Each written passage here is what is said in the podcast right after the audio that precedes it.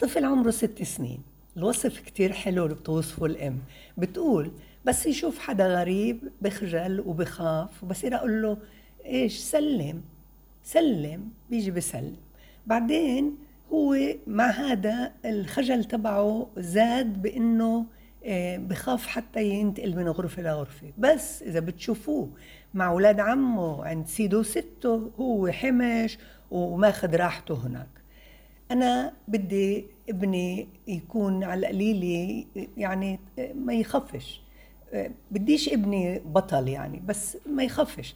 عند مرات كتير لما بخاف يفوت على غرفة بعيدة شوي بقول له أنت بطل أنت شجاع وما مش عم بفيده هذا. بدي أقول لك أنا يعني أنت عم تشكي من موضوع اللي هو طبيعي. هو صار بعمر اللي صار يعرف. الاشياء اللي بتناسبه والاشياء اللي بتناسبوش. غير إنه الخوف الخوف من الاشياء اللي مش متوقعها هذا إشي طبيعي بده يحمي حاله. ليش إحنا بنخاف إحنا بنخاف لأنه بدنا نحمي حالنا. يعني إحنا بنشوف أسد بنروحش نهجم عليه. بنشوف كلب مسعور بنروحش من نتهجم عليه. الخوف آه، نزعة أو غريزة طبيعية. فانت قاعدة بتخليها تدوم وأنا بدي إياكي ما تخليها تدوم كيف تجاهلي. ما شاف حدا وجفل منه أو ما حبش يتألف معه معلش هذا إشي طبيعي. أنت شوفي وتجاهلي. وبنفس الوقت استخدم الدراما استخدم الدراما في إنك تفتخري فيه وتتفوقي تتفوقي على اللي بتحكي معه. يعني مثلا بنفرض عند فتي على تطبيق كشكش وأخذت قصة من القصص اللي فيها آه، كشكش لا ينام بسريري أو كشكش ينام بسريري. كشكش هون بخاف ها؟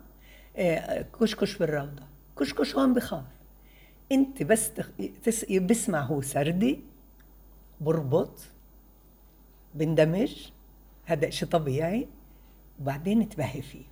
انت يا كشكش تعال من ابني وتباهي فيه مش تكذبي.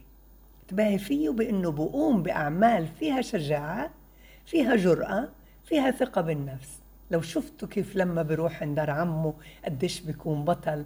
لو شفتوا لما بيكون مع أولاد عمه قديش بيكون حمش. يا تعالي اتعلم منه.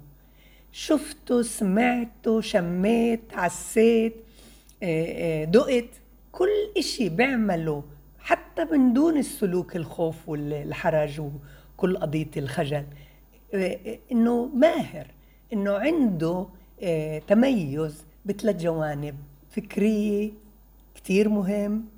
لو شفتوا كيف بحذرني بعرفش ألاقي الجواب. هاي فكرية مثلا وألعاب مثلا ألعاب اللي بدها آه، روحي للعاطفية إنت تعلم منه لو إنك تعرف قديش شاطر وموهوب بإنه لما برسم كيف بحط الألوان.